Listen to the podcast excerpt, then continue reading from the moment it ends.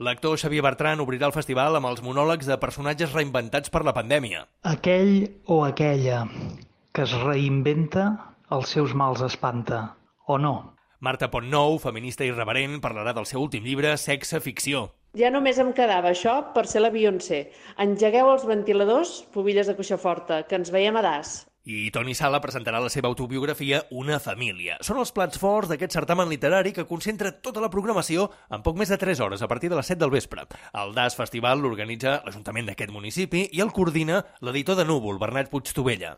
La voluntat del DAS Festival és acostar una mica la paraula literària al públic, amb tranquil·litat i parlar d'autors doncs, que, han, que han publicat llibres, parlar amb gent que, que té coses interessants a dir-nos eh, i això en un entorn molt bonic com és el poble de Das, que és eh, el poble més fresc de Catalunya en aquests moments. Un homenatge al dramaturg Rossend Darús i una actuació musical del duet Aranà completen el cartell d'aquest Das Festival amb aforament per 150 persones i amb inscripció prèvia.